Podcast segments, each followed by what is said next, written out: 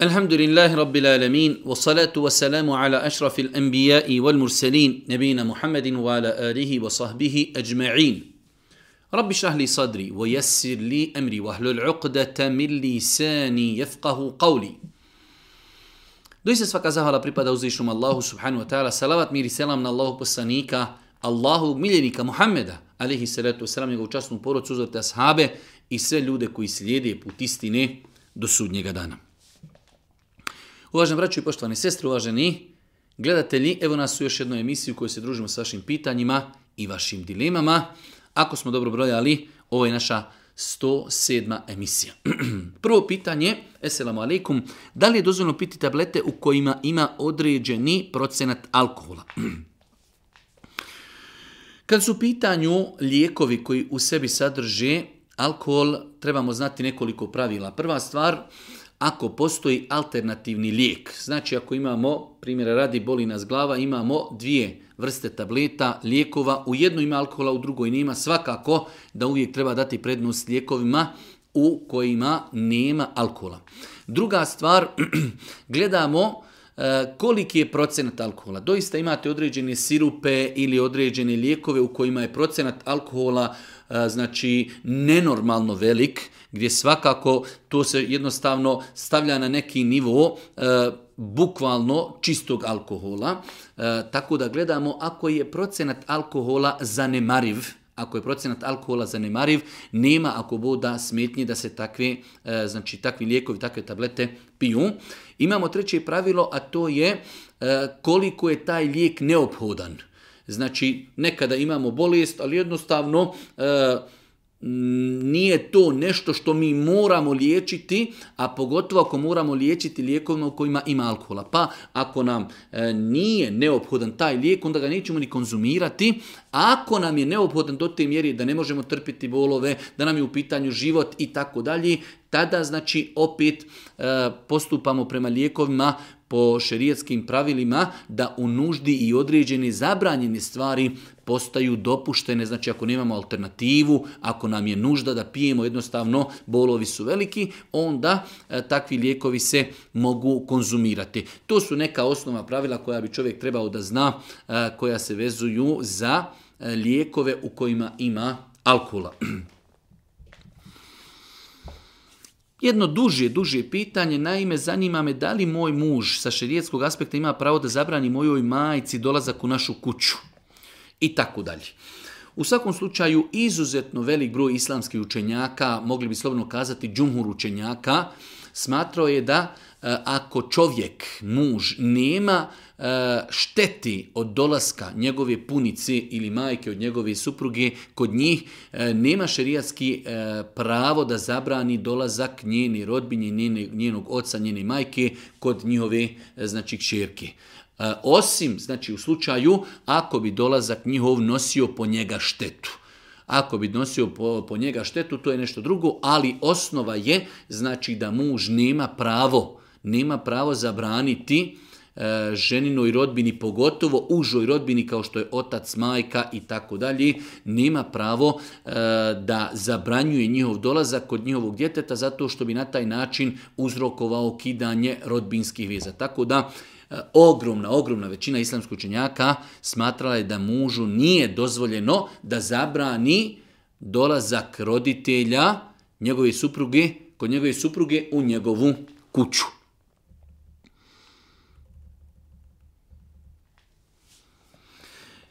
Interesuje me da li je dozvana upotreba seksualnih pomagala, na primjer vibratora, prilikom intimnog kontakta. I šta je u svemu tome dozvoljeno? Kada u pitanju intimni kontakt supružnika, treba znati da u osnovi zabranjeno je da čovjek e, ima intimni kontakt sa suprugom dok je u periodu mjesečnice i zabranjen je intimni kontakt u analni otvor. To su dvije stvari koje su generalno zabranjene.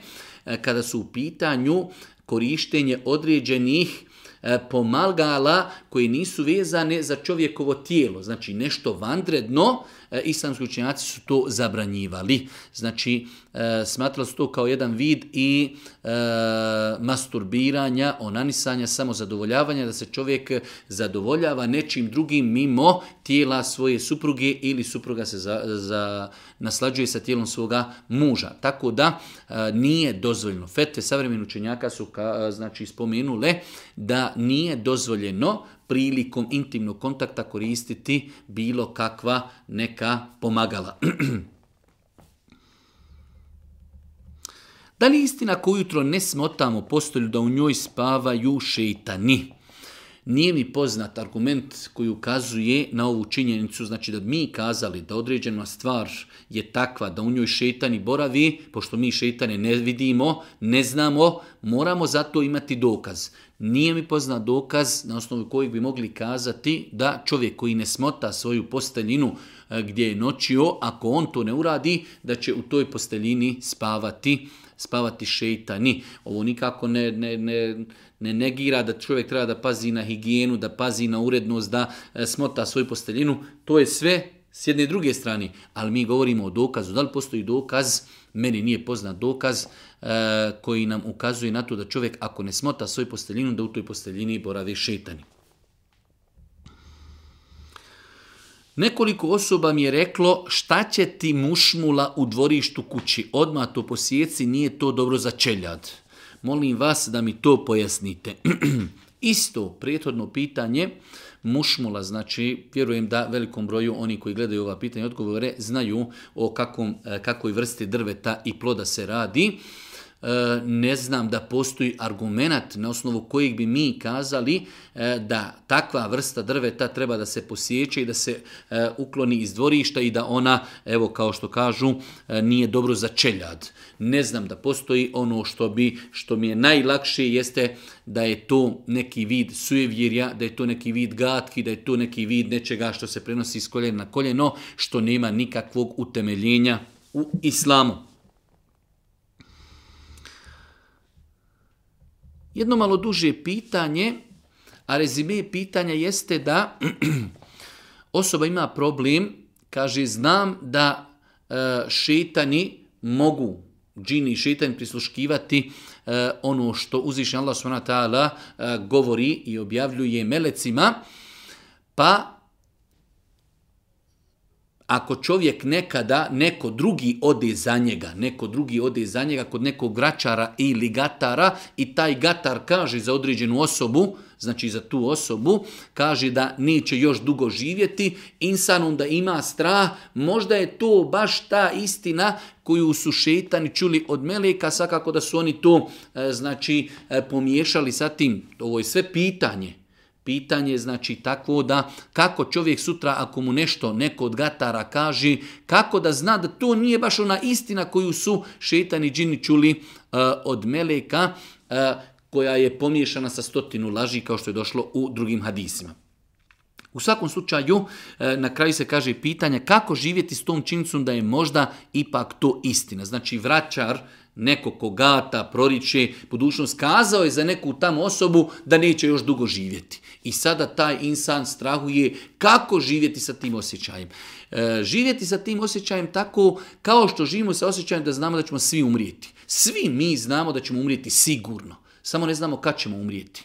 Tako da ne znam zašto se čovjek psihički toliko umara tamo neki prevarant, jer svi vraćari su prevaranti. Apsolutno. Tamo neki prevarant je izrekao e, o nekom čovjeku da neće još dugo živjeti. I taj insan se sekira šta, šta ako to bude istina.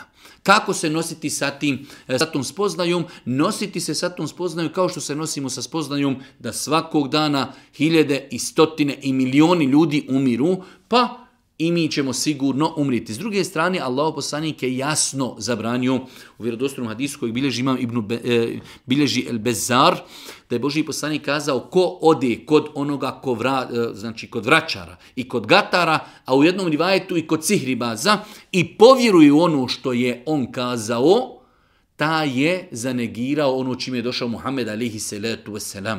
Tako da čovjek apsolutno ne smije vjerovati ono što govori vračari, niti smije se osrtati na to, a činjenica je da ćemo mi sigurno svi umrijeti.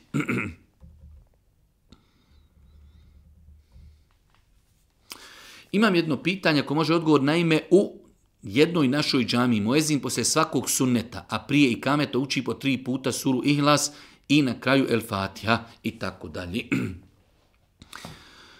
E, da li ima za takav postupak? Apsolutno ne. Znači, to je jedna od novotarija koja je prisutna u velikom broju naših džamija, ne u svima, ali eh, u mnogim džamija se prakticira da kada se klanjaju sunnjeti, nakon toga mu ezin prouči tri puta suru kulhu valla, nakon toga nekada uči fatihu, negdje ne uči, nakon toga uči i kamet. Eh, učenje sure kulhu valla tri puta na takav način je novotarija. Eh, dosta puta slušamo ljude koji kažu pa dobro, to nije ništa loše, učio je čovjek samo Kur'an. E, da bi ibadet bio primljen, treba da se radi onako kako ga je prakticirao Allah poslanik se salatu selam. To je s jedne strane. S druge strane, da ne govorimo što učenje te sure kulhu valla tada ometa ljude koji još klanjaju sunnete. Pogotovo ako se to uči na mikrofon. Tako da učenje tri puta kulhu valla nakon sunneta, prije i kameta, e, znači od strane mojezina učenje naglas je novotarija koju treba izbjegavati.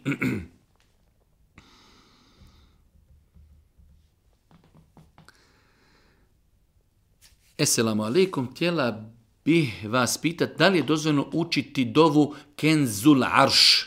Kenzul Arš. Da li je dozvoljeno učiti dovu koja se zove Kenzul Arš? E, prva stvar, interesantno i čudno je kako ljudi izvrte tako neke izmišljene dove, a toliko vjerodostojnih dova, kako kuranskih, tako hadijskih dova, desetine i stotine dova u Buhari i Muslimu i mi izvrtimo tamo na nekim e, web sajtovima neke izmišljene apokrifne dove, znači koje u sebi imaju mnogo toga što je šerijetom sporno i zabranjeno. Tako da jedna od takvih dova je ta neka dova koja se zove Kenzul kao neko blago iz Arša ili oko Arša ili ispod Arša i tako dalje. Ne postoji u sunnetu Božijeg poslanika ali se leto selam dova koja se zove Kenzul Arš, E, s druge strane, ona dova koja se može naći po internetu, e, za koju kažu da je Kenzul Arš u sebi ima dosta šerijetskih spornih stvari, zbog toga čovjek vjernik ne treba da se osrče na to, niti da to učini, da praktikuje. E, dova je jednostavan ibadet. Dovimo Allah te bar svojim riječima za ono što nam je potrebno. Deveto pitanje, putujem do posla i nazad kući svakog dana više od 220 km. Da li se u ovim situacijama insan smatra putnikom i da li je se vrlo moguće krati spajati namaz? Znači čovjek svakodnevno prelazi 220 km. Ako se ovdje radi o čovjeku koji putuje primjer radi 100 km odlazak i 100 povratak, takav insan, makar što svaki dan putova, on je svaki dan safir i svaki dan pravo ima da e, spaja namaze i da krati namaze. Ali ako se misli da čovjek razvozi određenu robu, pa svaki dan u unutar jednog grada prelazi 220 km, takav insan nije musafir i nema pravo da e, krati niti spaja namaze. Znači, e, ako čovjek svaki dan je musafir i putuje u jednom pravcu 110 km, u drugom vraća se 110, on je svaki dan musafir i svaki dan može da krati namaze, ako ima potrebu može da ih spaja, a ako bi se radilo o situaciji da čovjek unutar grada je dostavljač i dostavlja, ne znam, nija šta dostavlja i prelazi 220 km, takav insan nije musafir i nema pravo da koristi olakšice putovanja. Da li je ispravno tražiti od budućeg muža da nauči neku suru kao mehr ili mehr mora biti nešto materijalno? E, koliko koliko sjećam da smo na ovakva pitanja odgovarali, čak smo o tom i pisali postove. E, uvjet da bi nešto bilo mehr eh, jeste da je to nešto što se može prodavati da ima svoju materijalnu vrijednost. Tako da kada žena kaže čovjeku eh, moj mehr je da naučiš suru, ne znam, nija kef ili jasin ili bekaru, to nije nešto što se može naplatiti, to nima svoju materijalnu vrijednost. Zato je Boži poslanik ali se letu kada e, onaj ashab je htio da se ženi pa nije imao imetka, pitao ga je je ti, kaže, sure znaš, pa je onda rekao poduči tu ženu tim surama i to je njen mehr podučiti nekoga nečemu, to ima svoju vrijednost. Ali samo da mi kažemo čovjeku, moj mehri je nauči tu suru, to nema svoju materijalnu vrijednost. Zbog toga e, treba takve stvari izbjegavati. Takav mehr nije ispravan. Mehr treba da bude, ne znam, 100 maraka, 500 maraka, e, ili auto, ili mobitel, ili, ili, ili nešto što ima svoju opipljivu vrijednost. Ako mi možete reći da li, e, reći samo da li gubim abdest ako čujem slučajno muziku nekoliko sekundi.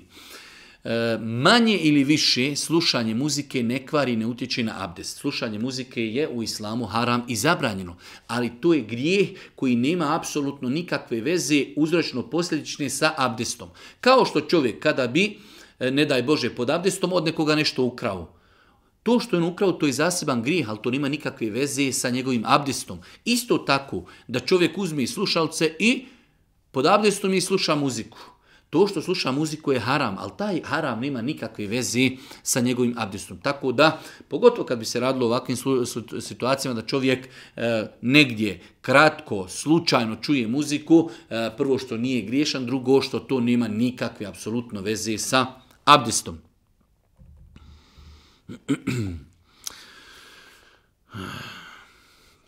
12. pitanje. Moja supruga me stalno kritikuje u vezi ispraćaja na posu, jer se ljuti što joj kažem poljubi ljubme u obraz. I tako dalje. E, znači imamo jedan bračni par, čovjek kada kreni na posao kreće pod abdestom. Tako je pitanje.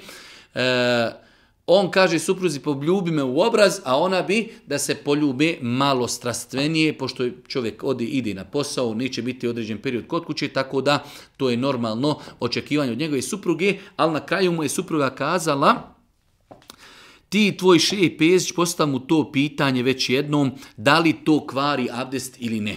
Imamo vjerodostan hadis koji izbilježio imam Ebu Davud, da je Aisha radijallahu tran kazala Allahu poslanik alihi salatu wasalam poljubio jednu od svojih supruga, zatim je izašao e, da obavi namaz i nije obnavljao abdest. Znači imamo jasan hadis da poljubac ženi, bez obzira bio strastven ili ne, ne kvari abdest. Tako da od sutra, znači ovaj naš bračni par, kada čovjek krene na posao, imaju pravo da se poljube i to ako Bog da nema nikakve veze sa abdestom e, njenog muža koji ide na posao pod abdestom.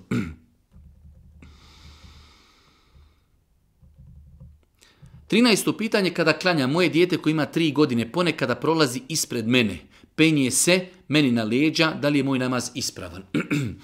e, Muslimanima je propisano i naređeno da pokušaju maksimalno dati sve od sebe da sprečavaju prolazak bilo koga ispred sebe, pa čak i životinja. Znači, voži poslanik u vjerodostojnom hadisu nije dozvolio ovci da prođe ispred njega kada je klanjao. E, to se isto odnosi na djecu. Ali ako djeca su malena, ne razumiju i ako će oni više puta prolaziti, a mi cijeli nama samo razmišljati e, o zaustavljanju djece tada su kazali islamski učenjaci da ne treba se okupirati time. Znači, e, jednu možda dijete samo sklonuti ako dijete svati, da ne treba prolaziti, dobro jest ako ne svati, ne treba se mnogo time umarati, iako je propisano, znači da čovjek sprečava prolazak onoga ko hoće da pruđi ispred njega, već kad ta dječica ako Bog da malo porastu, pa kada im čovjek znači pojasni da ne treba da hodaju, oni to više ako Bog da neće ni činiti, tako da to nema ako Bog da nikakve vezi sa ispravnošću namaza, pa čak i da se dijete popni roditelju, majci ili ocu ili djedu ili nani na leđa, to nema nikakve veze ako Bog da sa ispravnošću namaza. Znalo se desiti Božijem poslaniku u džematu kada bi klanjao ljudima, da bi neki od njegovih unuka se popao, popeo na leđa Božijem poslaniku i on bi zbog toga odužio namaz, ne želeći da uznemiri to dijete koje se popilo njemu na leđa, tako da, znači, to što se dijete popne klanjaču na leđa ili prođe ispred njega, ako Bog da ne utiče na validnost namaza. Esselamu alaikum, zanima me kada izgovaramo riječi La ilaha illallah elhamdulillah, subhanallah, bismillah i tako ti riječi, da li ih izgovaramo sa h ili bez h. Znači riječi e, koje na kraju riječi imaju Allah, subhanallah, elhamdulillah. Svakako riječ Allah ima u sebi h. Pa kada izgovaramo ove zikrove, treba da čovjek na kraju izgovara slovo h, zato što je subhanallah. Allah, na kraju riječi je riječ Allah. Kako kada izgovaramo zasebno riječ Allah, izgovaramo H, isto tako i subhanallah, elhamdulillah i tako dalje. U takvim znači e, riječima treba izgovarati slovo H na kraju riječi. Bio sam neki dan u frizerskom salonu pa smo se dotakli neke teme kada sam ja rekao da sam učio u osnovnoj školi da se po islamu kosa, kosa tjera na desnu stranu. I tako dalje. Tražio sam po Google dokaz, zato nisam mogao naći. E, ima li znači nešto, neko pravilo kada je u pitanju e, muškarac i češljanje kosi, kako kosu češljati? E, Imamo vjerodostojno hadis koji zabilježi ima muslim u kojem se kaže, Ibn Abbas kaže, sljedbenici knjige puštali su svoju kosu preko čela, a i dok poklonici su je češali na razdjeljak. Allah poslanik volio je poistovićivati se sa sljedbenicima knjige u onome o čemu mu nije ništa naređeno. Zato je u početku puštao kosu preko čela, a kasnije je pravio razdjeljak. Hadis bilježi Buharija i Muslim. Znači, Allah poslanik ali se letu selam u početku Islama, stanje ljudi koji su njega okruživali je bilo da su sledbenici knjige, židovi kršćani, ko su puštali naprijed. A idolopoklonici, znači ljudi mušici, su su češljali na razdjeljak. Pa je Boži poslanik volio više da slijedi u početku islama u stvarima u kojima nema ništa od objavi, volio je da slijedi ehlul kitabije, ipak oni imaju nebesku knjigu, nego da slijedi mušike. Oni nemaju nikakvu objavu.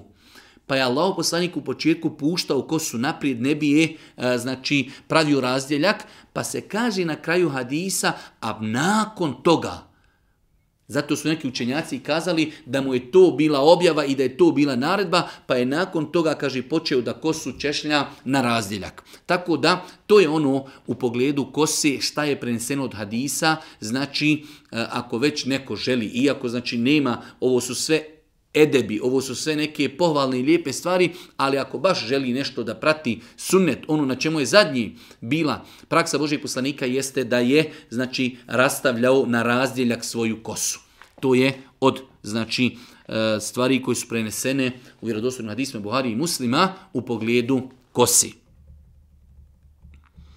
Pišemo u vezi ovih događaja u Švedskoj paljenja časnog Kur'ana.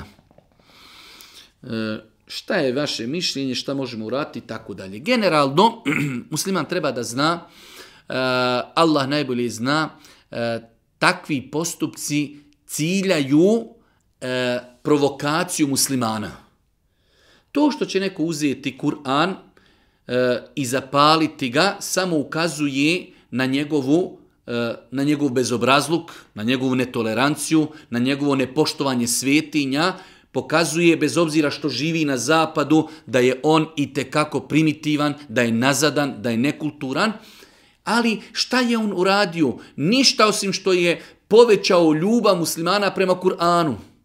On je zapalio jedan primjera Kur'ana, a mi imamo stotine miliona primjera kao štampanih Kur'ana tako da čovjek ne smije nasjedati na takve provokacije. To su provokacije kako bi se muslimani prikazali u najgorem svjetlu. E evo kako muslimani reaguju.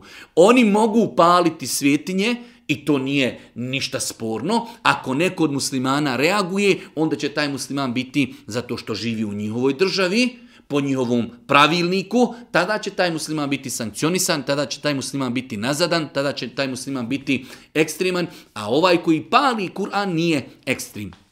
Ono što musliman može urati jeste da radi na promovisanju Kur'ana. Ok, evo danas neko e, pali Kur'an, sutra ćemo mi osta, oštampati na švedski jezik hiljada Kur'ana i podijelit ćemo im šviđanima. Sutra ćemo držati javne tribine koji govori o Kur'anu. Sutra ćemo govoriti o dokazima da je Biblija iskrivljena, a da je Kur'an autentičan. To je ono što muslimani u takvim situacijama mogu da uradi, mogu da žive po Kur'anu, mogu da se ponašaju po Kur'anu, mogu da praktikuju ono što je u Kur'anu, mogu da se odgajaju shodno Kur'anu, svakako. Ako postoji mogućnost da se zakonski kazni takve osobe koji e, radi takve stvari, treba iskoristiti svaku moguću e, znači opciju da se zakonski zabrani takvi postupci i da se kazni zakonski kazni ne znači pojedinci da ih kažnjavaju već da se zakonski donesu regulative i zakoni koji će zabranjivati takvi postupke. To je ono što može čovjek musliman u današnje vrijeme da uradi. Htio bi da vas pitam da li je hadis pa kada ga vidite, dajte mu prisegu, učinite to makar klizeći po snijegu. Doista će to biti Allahov halifa Mehdija. Da li je taj hadis vjerodostan? Znači ima hadis u kojem stoji kada se pojavi Mehdija da je Boži poslanik rekao kada vidite te događaje, idite i dajte tom čovjeku prisegu, makar morali puzati po, po ledu i po snijegu, znači zato što je to Mehdija. E, u pogledu ovog hadisa, da li je vjerodostan ili ne, postoji doista jako razilažen do te mjere da imamo ljude koji su rekli da je hadis vjerodostan, a imamo s druge strane ljude koji su rekli da je daiv, imamo učenjake, velike eksperte koji su kazali da je to apokrifan lažni hadis. Tako da, znači jedno izuzetno jako razilaženje u pogledu ovog hadisa, da li je hadis vjerodostan ili ne.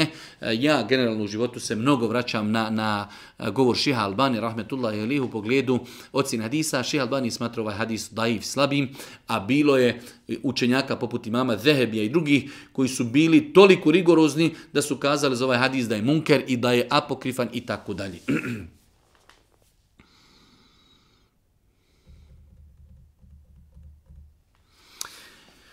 Imam jedno konkretno pitanje, ja i supruga želimo da idemo na umru, ali trenutno nismo u situaciji da platimo sve odjednom. Pa je moje pitanje da li možemo plaćati na rate agenciji preko koje bi išli. da li je znači dozvoljno čovjeku da odi na umru, a da se dogovori sa agencijom da im to plaća na rate.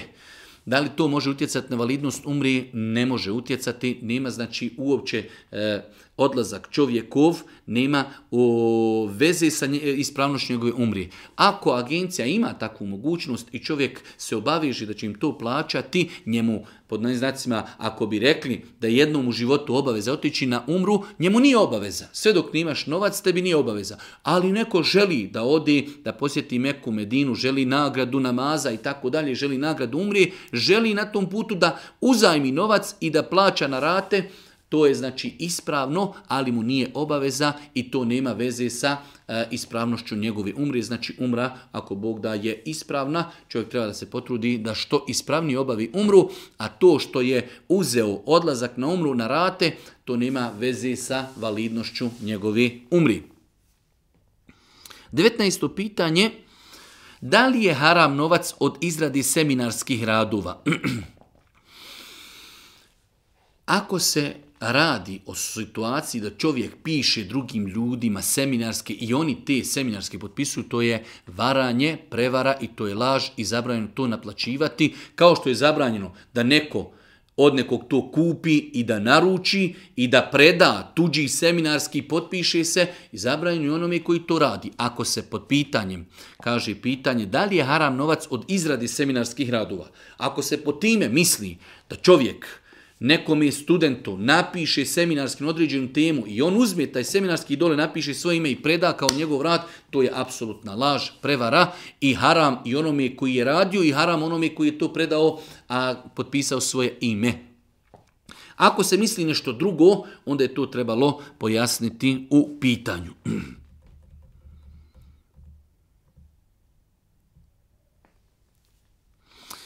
Zanima me li potrebno nešto proučiti ako osoba ima želju da se pokrije, e, kada je u pitanju moment kada žena prvi put želi da se pokrije, da li postoji posebna procedura? Ne. U islamu, znači ženi od onog momenta kada je punoljetna postaje obaveza donosi mahram prilikom izlaska iz kući. Ako je žena tu e, naredbu kršila godinu, dvije, pet, manje ili više i od danas želi da se pokori, Ništa, znači stavit će mahramu i izaće iz kuće bez ikakve procedure kao i bilo koji drugi ibadet. Ako insan nije klanjao i sada želi da počne klanjati. Da li ima posebna procedura, e, moram početi klanjati, ništa, uzmi abdest i klanjaj bilo koji ibadet koji smo zapostavili, želimo da počnemo prakticirati taj ibadet, nema nikakve neke posebne procedure i tako je isto i sa mahramom. Ne postoje nikakve posebne dove, nikakve memludi, nikakve znači ceremonije Dovoljno je znači da žena se ispravno pokrije i tako znači izađe iz svoje kući. Imam pitanje za vas. Ako snaha i sin ne žive skupa sa roditeljima, od muževe strane i ne uzdržavaju roditelje. Da li imaju pravo na njihovu imovinu, kuću, zemlju i tako dalje? Pitanje je znači ako sin sa njegovom suprugom, snahom, ne živi sa svojim roditeljima i ne izdržaje te roditelje i njegovi roditelji umru, da li on ima pravo da ih naslijedi? Apsolutno da. Nikada niko od učenjaka nije spomenuo da je uvjet da bi neko nekoga naslijedio tu da mora živjeti sa njim i da ga izdržava. Nikada. Znači, e, niti roditelji mogu reći, e ovaj me nasljeđuje, ovaj me nasljeđuje, imam petero djeci, ovo dijete je bilo uz mene, sa mnom Pomagao mi je, ovih četvero neće naslijediti, ovaj će me naslijediti. Nasljedstvo je nešto što je definisao i odredio uzvišeni Allah, tako da nakon što čovjek umri, dolazi znači kompetentna osoba koja poznaje faraid, faraiz e, i odredi ko su nasljednici shodno ajetima, hadisima i koliko ko dobiva. Tako da nije uvjet da bi čovjek naslijedio svoje roditelje, da mora živjeti uz njih i da ih mora izdržavati.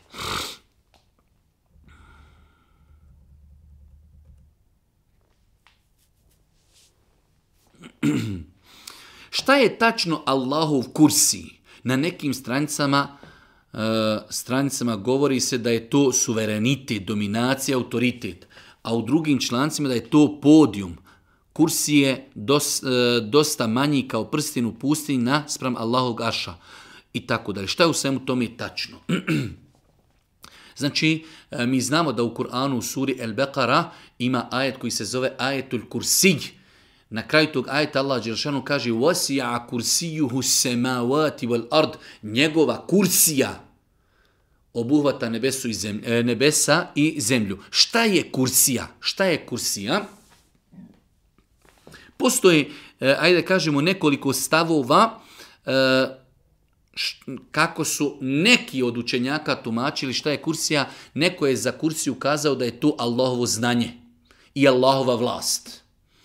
Neki su kazali da ne postoji e, razlika između arša i kursije, a tačno je i na tome je većina islamskih učenjaka od Selefa i to je znači akida ehli sunneta vol džemata da je kursi mjesto gdje stoji e, stopala uzvišenog Allaha te tala. tako je to protumačio e, u vjerodostojnim predajama Ibnu Abbas radijallahu ta'ala. Znači, ono na čemu je akida ehli sunneta jeste da je kursija mjesto stopala uzvišenog Allaha barake wa ta'ala. I znači, e, to je bio stav velikog broja ashaba, velikog broja, broja tabiina i drugih učenjaka iz prvih generacija. Da li je dozvoljena konzumacija pivskog kvasca? Naime, dosta toga piši o njemu kako je dobar za zdravlje, pa me zanima da li je dozvoljena konzumacija istog pivski kvasac. Pivski kvasac.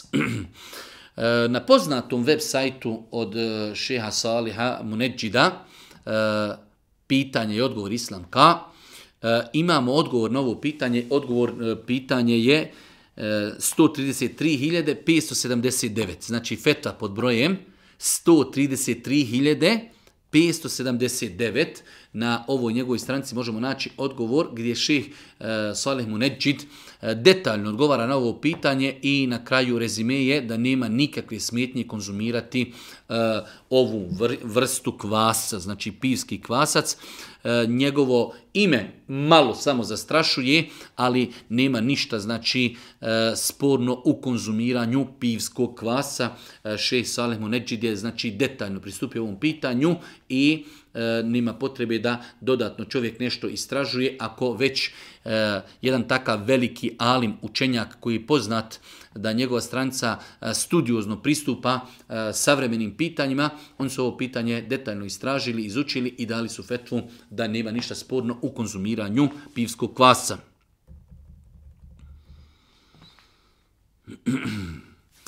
Naime, živim sa suprugom i djecom u kući koja je izgrađena nelegalno nemam nikakvi, nikakvu papirologiju.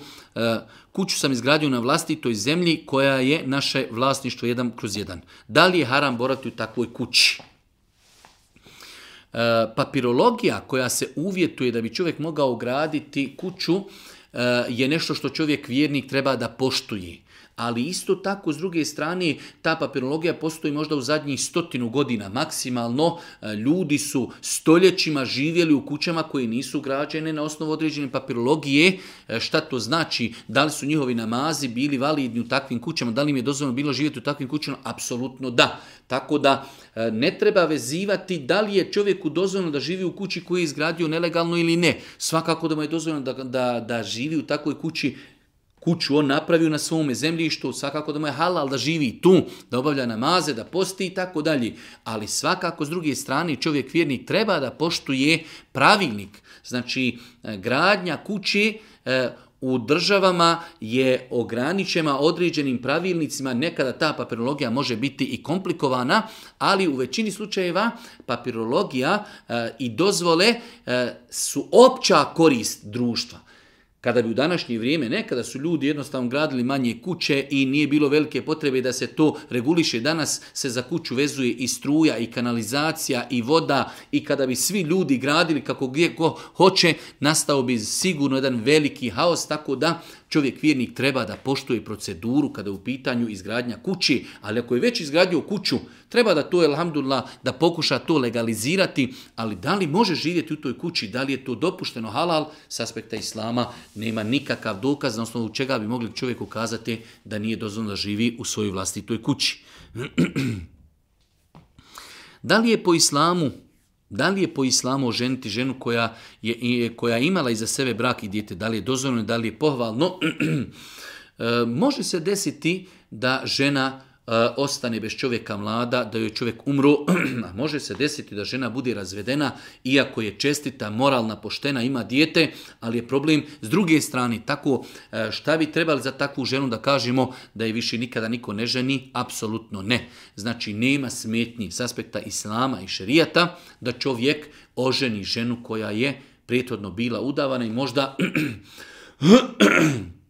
Možda sa takvom ženom proživi e, mnogo ljepši život koja će znati cijeniti muža i njegovu dobrotu, nego možda da je oženio ženu koja nije do, do prijethodno bila udavan. Tako da, s aspekta islama, nema ništa sporno oženiti ženu koja je prijethodno bila udavana i koja ima svoje dijete.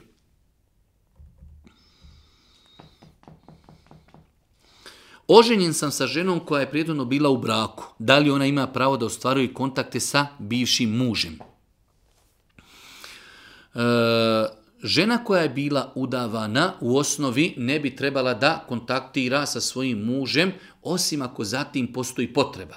Može se nekada desiti da postoji potreba, pogotovo ako postoji djeca, pa jednostavno čovjek nazove e, ženu da kaže da izvede djecu, da pripremi djecu, da će kod njega dva dana, ili žena nazove muža da, da dovede djecu, gdje će ih dovesti i tako dalje. To je nešto što E, što je znači potreba, nužda, jednostavno čovjek je živio sa ženom, razveli se, imaju djecu, oni moraju biti u datom momentu u nekom kontaktu, u nekoj konverzaciji, ali se to svodi na minimum. Samo na ono što je potreba.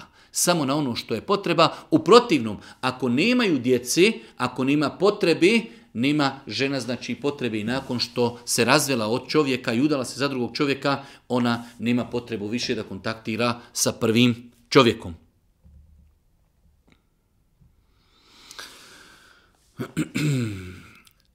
mnogo pitanja kako privatno na e-mail, na Whatsapp, na Viber i tako dalje došlo u zadnje vrijeme vezano za bezalkoholnu pivu.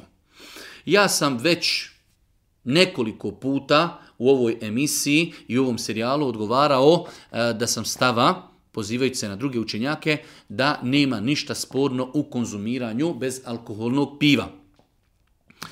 Nakon toga nedavno se pojavio video klip u kojem je naš poznati šeh, doktor Zakir Naik e, pojasnio kako on smatra da nije dozvoljno piti bezalkoholno pivo, pa se mnogo ljudi javljalo u dilemi su.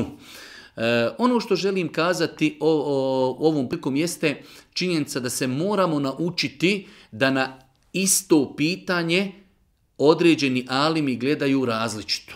I zato ćete danas naći da postoji, odnosno kroz historiju ćete naći stotine i hiljade pitanja da su neki učenjaci kazali može, a drugi rekli ne može. Jedni su rekli da je vađiva, rekli su rekli da, da je sunnet, drugi su rekli da je novotarija, treći su rekli da je pohvalno i tako dalje. Moramo se naučiti, ne treba nas buniti, e, znači šta je sad ovo? Juče smo slušali nekog daju, šeha, doktora, kako kaže bezalkoholno pivo se može piti, danas došao zakir naj i kaže ne može. Ništa, to su samo različiti pristupi istom pitanju. Moramo se naučiti na takav pristup jer su to pitanja podležna. Nisu to pitanja koja su prerezana, jasno definisana Kur'anom, zabranjena svinjetina, zabranjen alkohol. Ovo je pitanje koje je podležno i a Ja šta sam doživio uvreda? u pogledu toga što si ti ohalalio alkohol, sada e, omladina pije bezalkoholno pivo, puni su kafići, omladne koji piju bezalkoholno pivo, haram ti bilo, boj se Allah, kako te nije stidi, tako dalje. To je neispravan pristup takvim pitanjima. Znači, kada je u pitanju bezalkoholno pivo, poslušao sam govor našeg šeha i doktora zakra Najka, ne slažem se sa njegovom tvrdnjom, ali njegova tvrdnja je njegovo mišljenje koje ima, hajde da kažemo, svoju težinu i ima svoje uporište.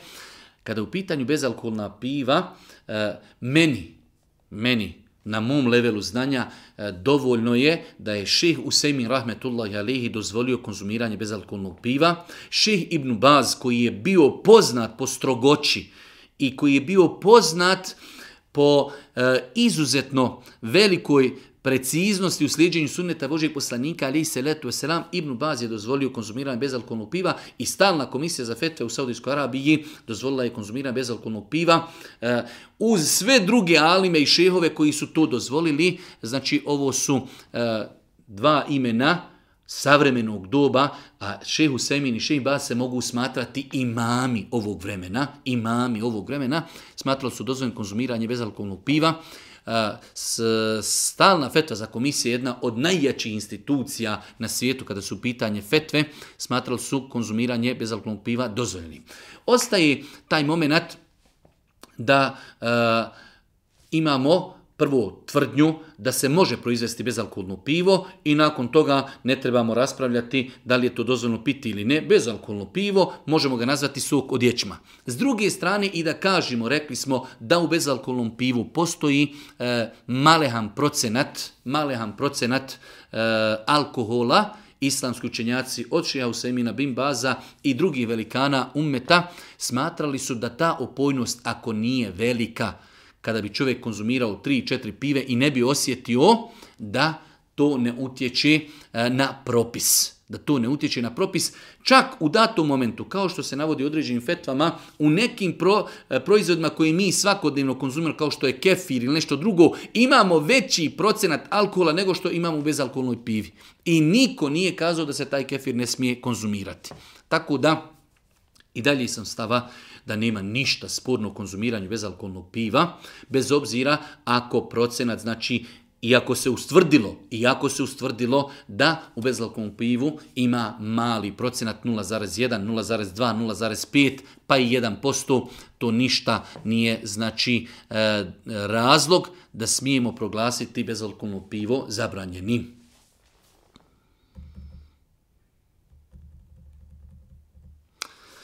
Već dugi niz godina kupujem kurban od osobe koja konzumira alkohol. Ta ista osoba ide na džumu i ne klanja redovno. On nam i dijeli kurbane jer mi nismo u Bosni i nismo mogućnosti da to obavimo kakav je propis. Znači imamo ovdje dva propisa. Kupovina kurbana od osobe koja konzumira alkohol. Mi možemo kurban kupiti od nemuslimana. Znači kupovina kurbana nema nikakve veze sa kurbanom u smislu od koga smo kup, možemo kupiti od kršćanina kurban. Čovjek ima dobru ovcu, odemo kod njega kupimo i zakoljemo za kurban. Možemo kupiti od židova, možemo kupiti od pijanca, možemo kupiti od murteda, od otpadnika.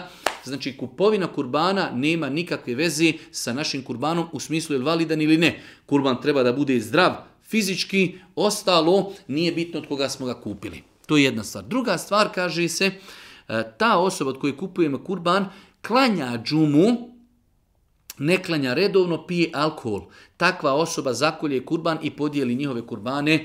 E, čovjek vjernik treba da zaklanje svog kurbana ako ga on ne može zaklati. Treba se da se potrudi maksimalno da njegov kurban zakolje osoba koja praktikuje vjeru, koja ima svoj namaz i koja zna propise koja zna kako se kolje kurban, da treba spomenuti bismila. Za mene čovjek koji ne klanja redovno, koji konzumira alkohol, ja mu ne mogu vjerovati da će on sutra kada bude klao kurban kazati bismila. Čovjek koji konzumira alkohol i čovjek koji ne klanja redovno, ja mu ne mogu vjerovati. Ja ne kažem da neće, ali mu ja ne mogu vjerovati. Tako da čovjek vjernik, čovjek vjernik kada realizuje klanje kurbana, ako ga već on ne može zaklati, a sunnete da čovjek svoj kurban zakolji, onda treba da traži povjeljivu, poštenu, moralnu osobu koja zna propise i osobu koja praktikuje propise islama u životu. Svakako, e, ovakva osoba, sve dok se nalazi u granici islama, ona ako zakolji kurban, spomeni smilo ako Bog da, takav kurban je validan, ali insan treba u pogledu ibadeta, da stremi da njegov ibadet bude izvršen na što potpuniji i što bolji način. Da li se uči na sehvi seždi e, subhana rabijel e'ala, kao što se uči i na običnoj seždi? Znači, pitanje je kada čovjek čini sehvi seždu. Znamo kada se čini sehvi sežda. E sada, šta se na toj sehvi seždi uči? E, ne postoje dokazi da je Boži poslanik jasno pojasnio šta se uči, iz toga islamsvičnjaci su kazali sve ono što se uči od zikruva, subhana al e'ala, subhana al e'ala e, i ostali dove koji su zabilježeni od Božih poslanika se usije na seždi, mogu se učiti isto i prilikom činjenja sehvi seždi.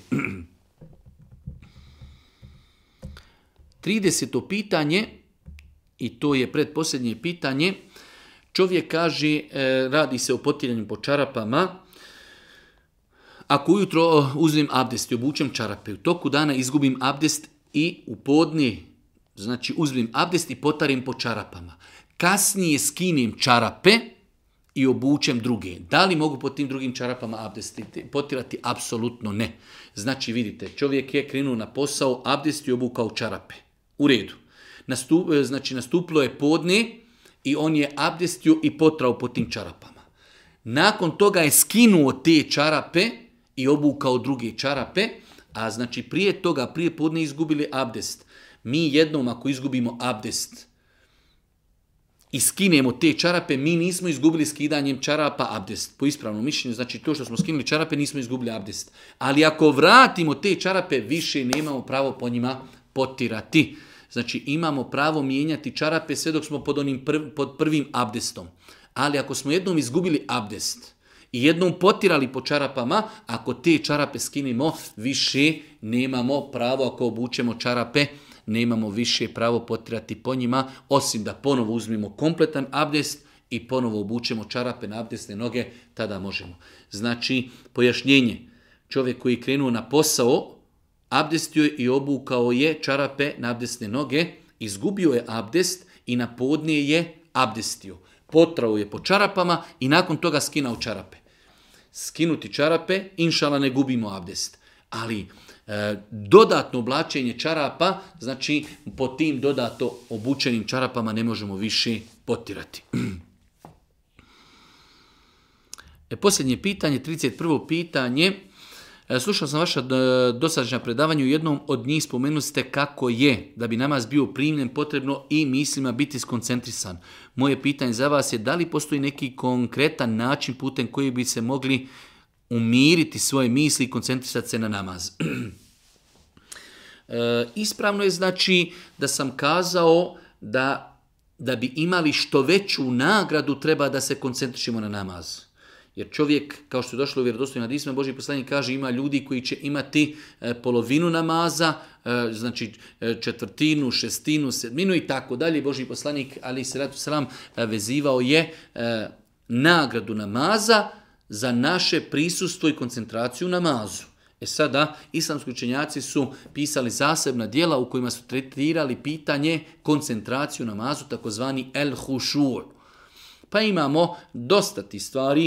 E, ja savjetujem, znači, e, za one koji doista želi da dožive svoj namaz e, na jedan poseban način, neka nabave sebi knjigu Namaz radostoka moga. U zadnjim, posljednjim, trećim poglavlju knjiga samo govori o praktičnim savjetima neki dvadesetak praktičnih savjeta kako povećati svoju koncentraciju na mazu. Ono što je možda najbitnije jeste da pokušamo shvatiti momena da stojimo pred Allahom, da razgovaramo sa gospodarom zemlje i nebesa, da razumijemo ono što učimo. Teško je se koncentrisati ako mi ne znamo prijevod Fatihi, ako mi ne znamo prijevod Kulhuvalla, ako mi ne znamo prijevod Etehijatu. Veoma je bitno da čovjek zna prijevod onoga što uči. To će mu sigurno mnogo, mnogo pomoći e, u koncentraciji u namazu. Molim Allah subhanahu ta'ala da nas učinu na putu nam podari korisno znanje i na kraju subhanaka Allahum da bihamdike, ešhedu in la ilaha in stakviruke, boje tubu ilik.